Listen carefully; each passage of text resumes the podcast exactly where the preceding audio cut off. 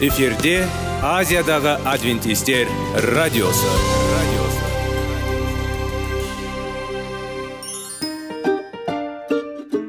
Сәлем достар. Денсаулық өмір бұлағы және біздің бірінші байлығымыз демекші денсаулық сағаты рубрикасына қош келдіңіздер. Біздің рубрикада біз әртүрлі факторларменен мәліметтерменен кеңестерменен бөлісіп шын жүректен сіздердің дендеріңіз сау болғанын қалаймыз. Сол үшін біздің рубрикаға қош келдіңіздер. Дайындалып тұрыңыздар. Өйткені келесі минуттарда қызықты фактілерге ие боласыздар. Енді достар ең бірінші байлығымызды қолымызға алып алға кеттік.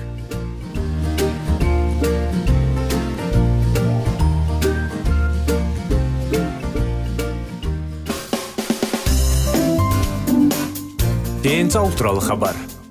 Денсаулықтың ашылуы.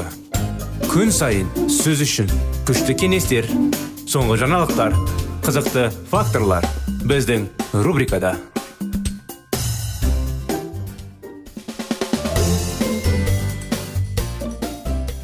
сәлем достар сәлем құрметті біздің радио тыңдаушыларымыз біздің бағдарламамызға денсаулық сағат бағдарламамызға қош келдіңіздер сіздердің назарларыңызға салауатты болу салауатты өмір салты тақырыптарын ұсынып жүрміз дюк университетінің ғылымдары солтүстік каролина ақш темекінің дәмін нашарлататын бір қатар өнімдер темекі шегудің тезірек бас тартуға көмектеседі. Университет қызметкерлері 2000 жоқ кешіріңіздер 209 темекі шегушілер арасында сауалнама жүргізеді. Оның ішінде 19 пайызы темекінің дәмі сүт пен сүт өнімдері. Тағы 14 пайызы кофеинсіз сусындар туралы мысалы су немесе шырын. 16 пайызға жуығы егер шылым шегуден бұрын қандай да бір көкөністер мен жемістерді жесе ауызда жағымсыз дәм қалады. Көпшілігі қатысушылар темекі түтіннің дәмін барлық диеталық өнімдер теріс әсер ететінін айтты және сусындар. Дұрыс тамақтану өзі бас тартуға кепілдік бермейді. Темекі шегуден бірақ қалайтындар үшін табысқа жету мүмкіндігін арттырады. Зиянды әдетті қалдырыңыз. Дем алу дем шығару тыныс алу жүйесі. Сен қанша уақыт істей аласың тыныс алуды ұстап. Ауаны барынша күштірек тыныс алу керек пе? Ұзақ шыдай алмаймын. Өте тез сен қайтадан атқару жөнінде сілтеме болу міндетті демалу неліктен? Өйткені сіздің денеңізге үнемі оттегі қажет. Онда сіз демаласыз. Тыныс алу ең маңызды өмірлік организм функциялары. Біз 20 мың астам тыныс жасаймыз. Күніне қозғалыстар бұл туралы ойланбастан тыныс алу процесі біз өмір сүру үшін дем алу керектігін білеміз. Біз ауаны шығарғанда ол бұрын болған жоқ біздің ағзаға ену онда аз оттегі және көмір қышқыл газы мен ылғал көп. Өкпеге түскен оттегі процесінде демді ішке тарту. Қан тоғымен қызыл жасушалармен таралады. Дененің барлық тендерінде оттегінің таңғажайып саяхатында өкпе қатысады. Жүрек артериялары және қан тамырлары. Келіңіздер бұл жолда бірге бақылаймыз. Біріншіден дем алу. Ауа мұрын арқылы түседі немесе ауыз қозғалардың көмей және трахеяға өтеді. Оның жолымен жүргізуші қарай жеңіл трахеядан өтіп өкпеде ауа екі қалын түтік бронхпен алға ұмтылады олар өз кезегінде ұсақ түтікшілерге бөлінеді. Бронхиолдар. Жолдың соңында миллиондаған кішкентай қоптар бар. Альвеол дейді. Оларға ауа түскен кезде бөлінеді. Екі альвеолдар альвеол. Қабығы арқылы келген оттегі келеді қанға. Сол уақытта мүшелердің пайдаланған қан альвеолда көмірқышқыл газының қалдырады және жүрекке барар алдында оттегімен байытылады. Осылай оттегі алмасу. Үш жүрек және қан. Жүрек оттегімен толтырылған қан алады. Және оны бүкіл денеден ажырату үшін қысқартылады. Қан ең үлкен артерия қолға жіберіледі. Одан әрі ол барлық мүшелерді бұлшық еттер мен сүйектерді өтетін артериялар мен капилларларға қозғалады. Қандағы өттегі тамырлардың жұқа қабырғалары арқылы өтеді және барлық денені толтырады. Органдар үздіксіз жұмыс істеу үшін оттегіні пайдаланады және ұлы көмірқышқыл газын бөледі. Қан оны қайтадан жуады. Жүрек. Венул бойынша содан кейін қалың тамырлар бойынша ақырында қуыс көк тамыр арқылы жүрекке жетеді. Дем шығару. Жүрек пайдаланылған қандай өкпеге жібереді? Альвеолдар көмір қышқыл газын жинайды және ол жері жасайды жол. Кеңірдек бойынша көктеріледі және ауыз немесе мұрын арқылы шығады. Барлық тыныс алу процесін ескере отырып таза тыныс алу маңызды. Мықты денсаулықты сақтау үшін ауамен. Ластанған ауа темекі түтін айнарлықтай дәрежеде болуы мүмкін. Ағзаны әлсіретіп ауыр ауруларға әкелу керек. Өкпе бірде емес оң жақ жеңіл салмағы шамамен 630 грамм және үш бөлікке бөлінген. Сол салмағы шамамен 570 грамм және екі үлестерге бөлінген. Диафрагма. Диафрагма өкпе астында орналасқан негізгі тыныс бұлшық ет кеуде және іш арасында қуысты. Дем алғанда бұл бұлшық зиянды азаяды және тез ауа көкпеге кіруге мүмкіндік береді. Онда ол өз өттегі. Диафрагма басындағы кезде дем шығару кезінде ол жоғарғы көтеріледі. Және пайдаланылған ауа газбен оның мен қан бердім өкпедің итеріледі сен ішінері бақылай аласың диафрагма қозғалсын терең және кішкентай шабыт. Бірақ егер ұстау тыныс алу 20 арқылы 40 секунд ми сені өлім қаупінен құтқарады және қайтадан дем алады ықылық дегеніміз не? Балаларға денсаулық туралы ықылық диафрагманың ырғақты қысқаруын тудырады. Онда бір нервтердің тіркеуінің ырқылық кезінде әдетін баяу және ешегінге өлшегінген шабыт орнына үзбелі және қысқа шабыт жасаймыз. Ауа күшпен жеңілген ұмтылады және адамдарды дауыстық буылмалар күлкілі дабыстарды шығару. І і дейді ғой осындай ықылық икота дейді ғой орысша. Ең ұзақ ұстамасы американдық азаптада чарльз осборн ол 68 жыл бойы жалғасты. Осы уақыт ішінде осборн шамамен 430 миллион рет ұшырды. Неге біз есінеміз? Оны енді келесі тақырыпта жалғастырып береміз. Келесі бағдарламада уақытымыз аяғына келгендіктен құрметті достар келесі жолға дейін сау саламат болыңыздар.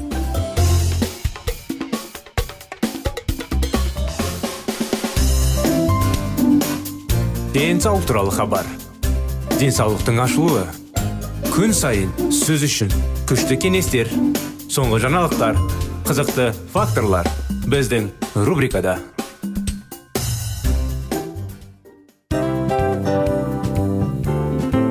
Әуелі байлық денсаулық екінші байлық он саулық үшінші байлық ақ жаулық. Ал енді осындай радио парақшадан кейін не дейміз? Барлықтарыңызға денсаулықтарыңыз зор болсын деп тілейміз. Денсаулықтың өзгеруі кішкентай нәрселерден басталады. Осымен біз берген кеңестер мен мәліметтер шын жүректен сіздер үшін қандай да бір болсын жәрдем берді деп үміттенеміз. Тыңдаушыларымызбен келесі радио парақшасына дейін қоштассамыз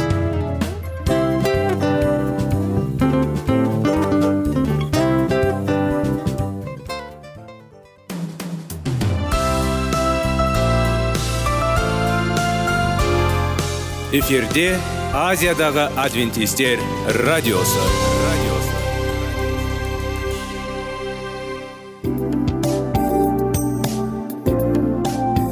Сәлем достар.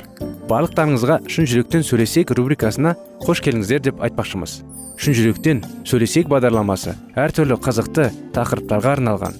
Шындығында шын жүректен сөйлесек деген сөздің мағынасы екі достың екі адамның ортасындағы шын жүрекпен сөйлесуі бір біріне сенуі ашықтық пен шындықты білдіреді. Сол үшін біздің бағдарламалар әртүрлі қызықты тақырыптарға арналған. Дайындалыңыз жаңа қызықты мәліметтерге ие болуға. Ондай болса кеттік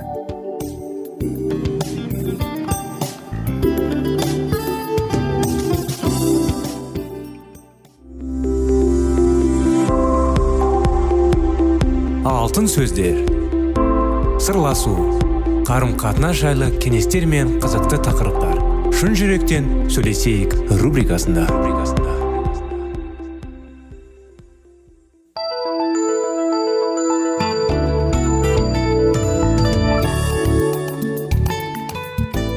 Сәлем достар. Армысыздар ассалаумағалейкум құрметті біздің радио тыңдаушыларымыз. Сіздерменен бірге шын жүректен сөйлесейік бағдарламасы. Ары қарай баланың жүрегіне бес қадам тақырыптарын жалғастыра кетейік. Қарама қайшылықтар шешілмеді. Бәрі нашар болды. Естеріңізде ма? Өткен жолы біз ашу жайлы тақырыпты бастаған едік. Тони кішкентай бала джефф әкесі және эллен анасы үйінде біраз ашулы ызалықтар болған еді тонидің тыңдаған тыңдамаған үшін. Тони қалай анық емес. Мүмкін ол ашулардан бас тарта алады. Ол ештеңе болмаса өзін өзі ұстанды. Алайда ашуланулар ешқайда кетпейді. Бір күні ол сол немесе басқа түрде сыртқа шығады енді сәл артқа оралайық және бәрі қалай болуы мүмкін екенін көрейік. Сонымен кеш элен ас үйде жиналады. Содан кейін қонақ бөлмесіне барады күйеуінің жанында отырады және бірнеше минут өткеннен кейін джеффке түсінікті әдіс туралы есіне алады. Ал оны қалай жақсы көреді дейді. Содан кейін ол айта алады. Білесің мен сені жақсы көремін. Жоқ мен жанжалдамаймын. Рас қалжыңдамаймын. Мен сені расында да керемет қылып қатты шын жүректен сүйемін. Сенімен бірге жай ғана бір сенімен бірдеңені талқылағым келеді деп әңгімені бастайды. Бағдарламаны тексергенде менес мазалаңыз. Ол кітапты алады және бөлмеден шығады. Джефф оны тыңдауға дайын болған кезде эллен тыныш ол әділетсіз қалай түсіндіреді? Өйткені ол күні бойы жұмыс істейді шаршайды үйге қайтып оралғаннан кейін кешкі ас дайындайды және күйеуі ешқашан көмектесуді болжамайды. Ол болашақта оған көмектесуді сұрайды. Егер мұндай әңгіме болса эллен ұлын кәмпит деп көндіреді. Ал тони шынаяқ сынған кезде әкем ас үйге кірер еді. Баладан баланы түсінуі үшін доппен еркелету алып оның барлық кінәсін мойындамайтынын түсіндіру және гаражда доп тайымды және келесі екі күн тони ойнауға болмайды деп жариялау. Содан кейін ол ұлымен сөйлесе алатын еді. Ал оның әкесі сүйетінін жазалайды. Көріп отырсыздар барлық еді айналу басқаша. Өз ашу ызасын бақылай алмайтын ата аналар бұл балаларды үйрете алмайды. Ал бұл тек баланың игілігі үшін ғана емес бүкіл қоғамның игілігі үшін де болар еді. Егер сіз ешқашан аш көзді қалай және алатыныңызды ойлайсыз және мұны жасай аламыз. Үйренуге кеңес береміз. Сіз баланың өз мысалында ашу жолдарын дұрыс арнаған қалай бағыттауға болатынын түсіндіруіңіз керек. Мінезді тәрбиелеу. Біздің сіздің балаңыз аш көзді қалай жеңеді? Оның сипатының қалыптасуын әсер етеді. Ол тұтас тұлғаның өсуі өте маңызды. Егер сіз оны аш көзді жеңуге үйретсеңіз сіз оның жақсы сипаты мен жеке тұтастығын тәрбиелейсіз. Егер бала өз ашу ызасын дұрыс жеткізе алмаса оның сипатында құндылықтардың қарама қайшы жүйесі адамгершілік туралы дұрыс емес түсініктер пайда болады. Ол ешқашан шын мәнінде кемел бола алмайды және бұл жетілмеушілік тұтас болмауы ретінде көрінеді. Бұл кемшілік баланың рухани дамуына елеулі әсер етеді. Егер ол өзінің ашу ызасын бақылай алмаса онда кез келген билікке соның ішінде жоғары билік құдайға қатысты дұшпандық өседі. Аш көзді жеңе алмау баланың ата анасының рухани құндылықтарын жоққа шығара алатын басты себебі. Алайда егер біз ата аналар өз міндетімізді орында балаларды дұрыс ашу ызасын білдіруге үйрететін болсақ осы қауіптердің барлығы оларға қауіп төндірмейді. Түсініңіз ашу өзі қалыпты адам реакциясы. Ол жаман да жақсы да болуы мүмкін емес. Мәселе аш көзде емес адам оны қалай білдіреді? Егер адамға күш беретін болса іс әрекетке итермелейтін болса ашу ыза пайда келуі мүмкін. Ал жағында алуға қалуға және әділетсіздікке немқұрайлы қарауға мүмкіндік бермейді. Джилл қарапайым 14 жасар қыз. Оның сипаты таңқаларлық. Ол адамдардың арасында келісім құруға ұмтылады. Ұрыс керіс дау жанжалдық жағдайларды белгілеңіз. Оның міне оның мектебіне тарих пәнінің жаңа мұғалімі келді. Ол әскери атист болып шыққан және әрбір сабақта дінді әсіресе мас кісілерді күледі. Ол жыл құрметтеп адамдарды лайықты деп санаған мәсіхшілерді танымал уағыздаушыларын қорлады. Жыл құдайға сенді. Бірақ мұғалімнің бала кезіне ақиқат деп санауға үйренгеннің үнемі мазалғанымен тіпті оның басында күмән тудырды. Бақытымызға орай ол сенімді орында алайда ерекшеліктермен таласуды қажеті жоқ. Бірақ бір күні мұғалім пасторлық балалар туралы ұлы ескерту жасады. Жылдың ел жақсы досы пастордың қызы болды. Ал бұл қыз әлі де сенке айта алмады. Ол жай ғана келді. Сол кеште жыл өзі сияқты шіркеуге барған сыныптастарына қоңырау шалып өз жоспарын айтты. Келесі күні мұғалім әдетте мәсіхшілік туралы білдірне айтқан кезде балалар сипайы бірақ оны бекер қоршады. Олар оның көздері қорлайтын екенін түсінді. Алдымен мұғалім оларды күлдіруге тырысты бірақ ол қалай ақымақ көрінеді деп ойлады және тақырыпты өзгертуге асығады. Содан бері балалар одан ескертулерден естімеді. Осылайша жыл өзінің сенім мен бастандығын төтеп бере алды. Ол конструктивті ашу жолдарын тапты. Белсенді агрессияға жол бермеу өкінішке орай көптеген адамдар мүмкін емес өздерінің ашуларын дұрыс бағытқа бағлау ашу заны көтерудің ең кен тарағы және жойғыш тәсілі пассивті агрессия. Пассивті агрессия бұл адамға немесе адамдар тобына өзінің наразылығын тікелей емес пассивті көрсету тәсілі. Бұл беделді талап ететін нәрсеге қарамастан әрекет етуге беймәлім ниет. Бұл жағдайда билікті бүлдіретін адам сондай ақ жалпы қабылдаған құдайлықтар жүйесі беделді бола алады. Бұл ата аналар мұғалімдер дін қызметкерлер басшылар полиция зандар жалпы қабылдаған нормалар. Әрине бала мен жасөспірім үшін бұл бірінші кезекте ата аналар осындай анықтамамен осындай бағдарлада біздің бағдарлама аяғына келді. Сіздерді келесі жолға шақырамыз. Келесі жолға дейін сау болыңыздар.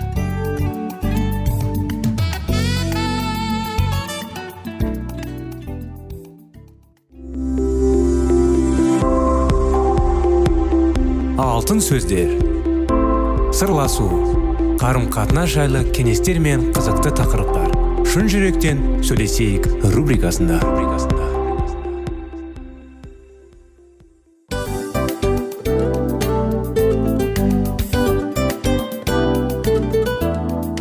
Құрметті достар барлық ең соңғы кеңестер аяқталған соң біздің программамыз соңына келіп қалды. Осы біздің мәліметтер осы рубрикада айтылған әрбір сөздер сіздерге өзінің қандай да бір пайдасын алып келді деп шын жүректен сенеміз. Және бұдан да көптеген рубрикаларымыз бар. Басқа рубрикаларымызда біздің зерттеулерімізде сіздер үшін тағы да қызықты мәліметтер дайын. Біздің шын жүректен сөйлесейік парақшамызда көптеген әдістер ең соңғы кеңестер адамның нравственность жақтан моральдық жақтан тазалап байыта тұрған соңғы кеңестердің барлығын жанарады. Сондықтан алдыңғы күндерде бізбен бірге болыңыздар. Өйткені барлық қызықтар алдыда. Бізбенен бірге болғандарыңызға үлкен рахмет. Келесі кездескенімізше сау сәлемет болыңыздар.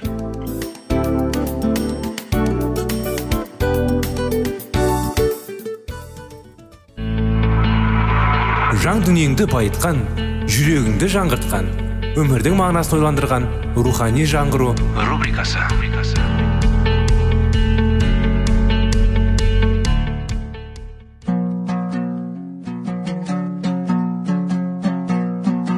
Ассалаумағалейкум біздің тыңдаушыларымыз. Келі кітаптың шындығын ашып берген қысқа бағдарламасына қош келдіңіздер. Барлығынан жоғары жаратушы біздің қарыңғылықта жалғыз қалдырып қойған емес. Өйткені ол келешекте не болу керек екенін киелі кітаптың парақтарында ашып береді. Немесе келіңіздер бізге қосылыңыздар. Жаратушы бізге нен ашып бергенін зерттейміз. Ассалаумағалейкум армысыздар құрметті достар құрметті біздің радио тыңдаушыларымыз. Біздің рухани жаңғыру бағдарламамызға қош келдіңіздер. Сүйінуді қалай үйрену?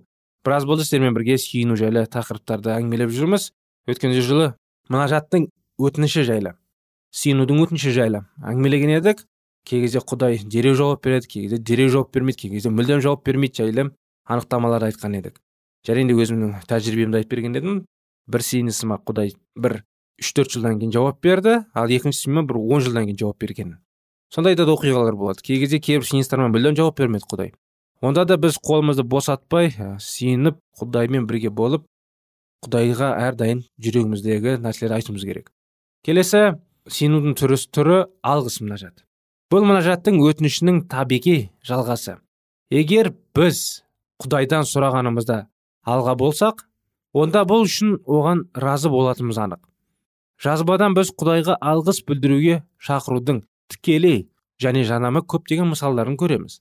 Олардың ең анығы мынау еміз иса мәсіхтің атымен құдай әкеге қай нәрсе үшін де ұдайы шүкірлік етіңдер. Алғыс білдіру мінәжатына қатысты құдайдың еркі осындай. Бұл жерден біз алғыс білдіру мінәжатымыздың маңызды бөлігі деген қорытынды шығарамыз. Бірақ бұл қиын бөлік. Бізге жалпы мінәжат айтуды үйрену оңай емес. Ал алғыс білуді үйрену әсіресе қиын. Тағы да балаларымызға қарайық. Бізге оларға тілектерін айтып өзімізге келуді үйретудің қажеті жоқ. Ал оларды алғыс айтуға үйрету үшін қаншама еңбектеу қажет десеңші. Әдетте құдайды сондай құдіретті асқақ елестетінімізден біздің алғыс айтқан айыптағанымыз оған бәрібір де ойлаймыз. Бірақ біз оның жүрегіне қарау қажет. Оның жүрегі дүниедегі ең сүйіспеншілікке толы жүрек. Бұл жақсы не жаман болсын. Ол үшін еш әсер етпейтін ешқандай болмашы ешқандай ұсақ түйек мәселе жоқ. Иса өзіне сүйіспеншілікпен берілген бір тостағы салқын суды да ұмытпайтынын айтады. Осының исаның алғысты қалай бағалайтынын оның алапеспен ауыртындарды суықтарған жайлы әңгімеден жақсы көре аламыз. Ауруларды сақтыру үшін былай жасады. Иса оларды алапестен тазарғанын куәландыру үшін діни қызметкерлерге жіберді. Сонда бара жатқан жолда олардың бәрі дертінен сауығып кетті. Тоғызы сапарларын жалғастырды. Олар исаның діни қызметкерлерге барып қарылыңдар дегенін тіл алып орындады. Бірақ олардың біреуі кейін аралып құдайды қатты дауыстап дәріптеп келді де исаның аяғына жығылып оған алғыс айтты. Бұл исаға қалай әсер етті десеңші? Оның сөздеріне назар аудар. Сауықтыңдар. Он кісі емес пе еді? Тоғызы қайда? Құдайға мақтау айту үшін мына шетелдіктен басқа ешкім қайтып келмеді ме? Бұл жерде біз алғыс айтудың құдайдың дәріптеуді білдіретінін исаның өз аузынан естиміз. Тіпті біз жасалып алғыс айта білмегімнен өзіңде осы біздің жүрегімізді шаттандырады. Бұл жерде мәселе біздің осы жердегі өмірімізде де мәңгілікте де құдайды дәріптеу үшін жаратылғандарымызды. Осылайша құдайды дәріптеген әрбір кезде біз өміріміздің мәнімен және мақсатымен үйлесімдік табамыз. Бұл жағдайда біз шын мәнінде жанымыз жадырап өзімізге сай орынды боламыз. Алғыс айту бізді шаттандырып қана қоймайды. Ол біздің бүкіл мінәжаттық өміріміз үшін шешуші мәнге ие. Мінәжаттарымыздың орындалуына мұқият қарап онда одан алғандарымыз үшін құдайға алғыс айтқан кезде бізге одан да көбірек сиыну жеңілдей түсті. Сондықтан мінәжаттарымыздың бәрін алғыс айтудан бастағанымыз дұрыс болады. Оның үстіне жазбаға сәйкес біз құдайдан сұрағаннан немесе ойлағаннан әлдеқайда көп нәрселерді аламыз. Күнделікті мұқтаждықтарымызды сұрауға біздің ақылымыз да ерік күшіміз де жетпейді. Бірақ осыған қарамастан құдай бізге қажетінің бәрін береді. Бұл біздің бойымызды қандай алғыс сезіміне келтіруіне тиіс десеңші. Сен сонда да құдайға разы болмасаң онда саған мынандай кеңес беремін. Құдайға алғысыңды одан алған осы дүниелік игіліктерің тәни саулығын үшін ақыл есін үшін жұмысын үшін баспанаң үшін ас пен киім үшін сені сүйетін өзің оларды сүйетін жақындарың үшін. Алғыс айтудан баста осыдан бастайтын болсаң онда құдайдың өзіне берген рухани игіліктерін сезіну және олар үшін алғыс айтуды оңайға түсетін байқайсың. Тағы қайталағым келеді құрметті достар. Құдайға алғысыңды одан алғыс осы дүниелік игіліктерін тәни саулығың үшін ақыл есің үшін жұмыс үшін баспанан үшін ас пен киім үшін сені сүйетінің үшін өзің оларды сүйетін жақындарың үшін алғыс айтудан бастауымыз керек. Егер қиын сәтте біреу бізге зор көмегін тигізсе сен оның қолын қатты қысып шын жүректен мен үшін осыны істегеніне ризамын деп айтуды қалайсың. Иса дәл осылай істе. Ол сен үшін талай нәрсе істегенін ұққаныңда ол әркез өте қуанды. Оның шеке кескен тескен қолынан ұстап шын көңіліммен құтқарушы менің күнәларыма бола өлгенің үшін. Саған алғысымды айтамын де құдайға оның өзіне күнделікті тартып тұратын ырысы үшін де дәл осылай алғыс айта аласың. Мұны күні бойы жұмыс кезінде де демалыс уақытында да жиі істе. Осылай істегенде сен исаны қуантасың және өзің де қуанышты боласың. Біз әрдайым сиыныстарымызды байқасақ құдай құдай бер бер ананы бер мынаны бер бүйт сүйт талай деп сұраймын бере көр сүйте көр деп. Рас қой құрметті достар. Жиі байқасаңыздар адамдар берді бер берді адамдардың тілектері берді бер берді бер. Адамдарға бере берсе болды. Өздері ештеңке бергісі келмейді. Сол да құдаймен де сондай. Өмірде де сондай. Өмірінде жұмыста бір нәрсе берсе анау бір нәрсе берсе әрдайым адамнан бір нәрсе тілеп отырады. Адамға ешқашан да жақпайсың. Құдайдан да сұраған кезде құдайдан сұрай береді сұрай береді. Жаңағындай мәселені ұмытпаңыздар. Сұрар алдында ойланып сұраңыздар. Ең бастысы дұрыс сұрап жатырмын ба? Бұл маған керек па? Құдай қалай берер екен? Қалай беретінін әрине құдай өзі біледі өзі шешеді. Біз ең бастысы бәр нәрсе үшін алғыс айтып және де кейін барып сұрауымыз керек. Мінекей құрметті достар бүгінгі бағдарламамыз осы. Аяғына да келіп қалды өйстіп сіздерді келесі бағдарламада күтеміз. Келесі жолға дейін сау болыңыздар.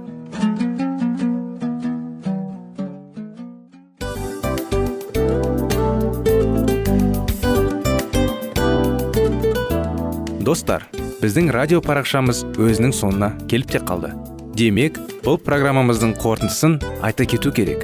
Негізі істің басталып жатқаның қуанту керек пе? Әлде оның қорытындысы қуанту керек пе? Сіздер қалай ойлайсыздар? Меніңше қорытындысы деп ойлаймын. Себебі жасаған ісінің жемісін көріп қорытынды арқылы бағалап жүрегін қуантады. Баяғыда айтқандай бидайды сепкенде емес бидайдың жемісін жинаған кейін ыстық нанды жегенде кәдімгідей рахаттанасың ғой. Осымен біздің бағдарламамыздың аяғында тыңдаушыларымыз қандай пайда алды екен деген ойдамыз. Егерде өткен сфераларда пайдалы кеңес алған болсаңыз біз өзіміздің мақсатымызға жеткеніміз. Бүгінгі 24 сағаттың алтындай жарты сағатын бізге бөліп ардағаныңыз үшін рахмет. Келесі кездескенімізше қош сау болыңыздар. Достар біздің бағдарлама бойынша сұрақтарыңыз болса әрине сіздерге керекті анықтама керек болса біздің whatsapp нөмірімізге хабарлассаңыздар болады. Плюс бір үш жүз бір жеті жүз алпыс алпыс жетпіс. Иә достар сіздер қателеспедіңіздер бұл біздің номерлерге ұқсас болмаса да бұл whatsapp номер арнайы. Хабарласыңыздар сұрақтарыңызды қойып тұрыңыздар. Анықтаманы алып тұрыңыздар. Плюс бір үш жүз бір жеті жүз алпыс алпыс жетпіс whatsapp номері